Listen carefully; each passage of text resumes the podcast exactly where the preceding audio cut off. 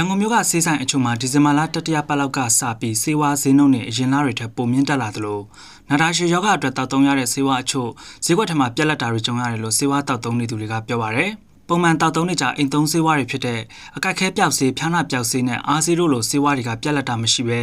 နာတာရှည်ယောဂတဲ့တွေဆွဲပြီးတောက်ရတဲ့နှလုံးသွေးတို့စီးကြိုစေးတွေကတော့9လ6လစာကြိုးဝဲမယ်ဆိုရင်နေရာခွဲဝယ်ရတယ်လို့မြို့ကန်တရက်ကပြောပါရယ်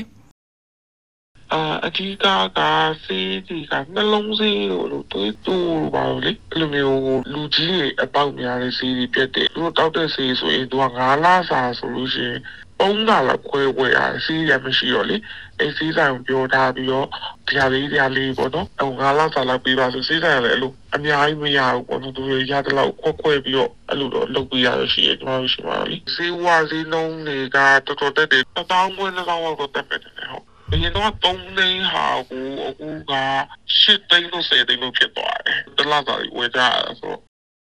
လက်ရှိမှာကလေးတန်ချဆေးတစ်လုံးကိုကျပ်2000ဝန်းကျင်အခက်ခဲပျောက်ဆေးပါရာစီတမော900မီလီဂရမ်ဆေးတက်ကတ်ကိုကျပ်3500ဝန်းကျင်ကလေးဖြားနာပျောက်ဆေးအရေ120မီလီဂရမ်ဆေးတစ်ပူ4000ကျပ်ဝန်းကျင်နဲ့ဆိုက်ပရိုတွန်အားဆေးတစ်ပူကို9900ကျပ်ဝန်းကျင်မှာရှိနေပါတယ်ပုံမှန်တောက်နေကြဆေးတွေကတော့ဝယ်ရခက်တာမရှိပဲအဆုတ်သွေးတို့စီးကြိုသမားတွေအတွက်တောက်ဆေးနဲ့ထိုးဆေးတွေတစားခွဲလောက်ဈေးတက်လာတယ်လို့ရန်ကုန်မြို့ကန်တယောက်ကပြောပါတယ်။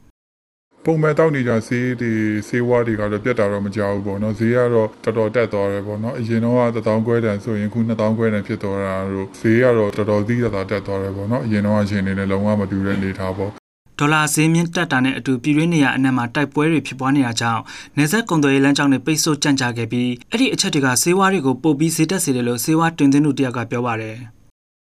အများစုနေ့စဉ်လိုအပ်နေတဲ့ဆေးဝါးတွေကြတော့မှအိန္ဒိယဘက်ကကောဒီထိုင်းဘက်က လာတာမျိုးတွေတရုတ်ဘက်ကလာတာမျိုးဒါမျိုးတွေကတော့ရှိရပါတော့ဒါပေမဲ့အဓိကယောဂကြီးမားတဲ့မှာကင်ဆာဆေးတွေနောက်စီချိုသွေးချိုတဲ့လိုအပ်တဲ့ဆေးတွေကကြတော့ကျွန်တော်တို့ကဒီထိုင်းဘက်ကနေပြီးတော့သင်ရတာပေါ့နော်သင်ရတဲ့အခါကျတော့ကျွန်တော်တို့အခုကတဖြည်းဖြည်းနဲ့ဒီမြန်မာစီးရတန်မိုးကျလာတဲ့အခါကျတော့ကျမတို့ကဒီဈေးမြင့်နဲ့ဟိုမှားရတာပေါ့နော်ပြီးရင်ကျမတို့ဒီပို့ဆောင်ကားတွေကလည်းဈေးကြီးတာပေါ့နော်အဲ့လိုမျိုးလေးတွေရှိပါရှင် ဆေးဝါးတွေကိုဈေးတက်လို့ short တောက်တာမျိုးတွေပုံမှန်တောက်မဲ့ဆေးတွေကိုမတောက်ဘဲနေရင်ရေရှည်မှာကျမကြီးထိခိုက်နိုင်တယ်လို့လည်းအထွေထွေယောဂကူဆရာဝန်တယောက်ကသတိပေးပြောပါတယ်။ရေရှည်မှာကျတော့သွေးတိုးဆိုရင်လည်းဗျာအော်မတက်နိုင်ဘူးဆေးမတောက်မတောက်ဖြစ်ဘူးဆိုကြသွေးတိုးဆိုလည်းသူ့ရဲ့သွေးတိုးရဲ့နောက်ဆက်တွဲရောဗျာကျွန်တော်နှလုံးရောဂါပူဆိုးလာမယ်နှလုံးကြီးရပူဆိုးလာမယ်ဒီဖြစ်တဲ့ဥစ္စာပူများလာမယ်ပေါ့နော်စီးကျဆိုလည်းသူ့ရဲ့နောက်ဆက်တွဲပေါ့နော်အဲ့လိုမျိုးပူဆိုးလာမှာပေါ့ ချက်ချင်းတော့လေသူတို့ကဒီစိမတောင်းလိုက်လို့တော့ပူဖြစ်သွားရတော့ဘယ်ဟုတ်လဲသူတို့လည်းမသိလိုက်ပဲနဲ့အဲ့လိုသူနောက်ဆက်တွဲပူပူဆိုးလာမှာပေါ့ လက်ရှိဒီဇင်ဘာလ25ရက်အထိအမေရိကန်ဒေါ်လာကိုဘိုးဘန်သတ်မှတ်ဈေး2000ကျော်သာရှိပေမဲ့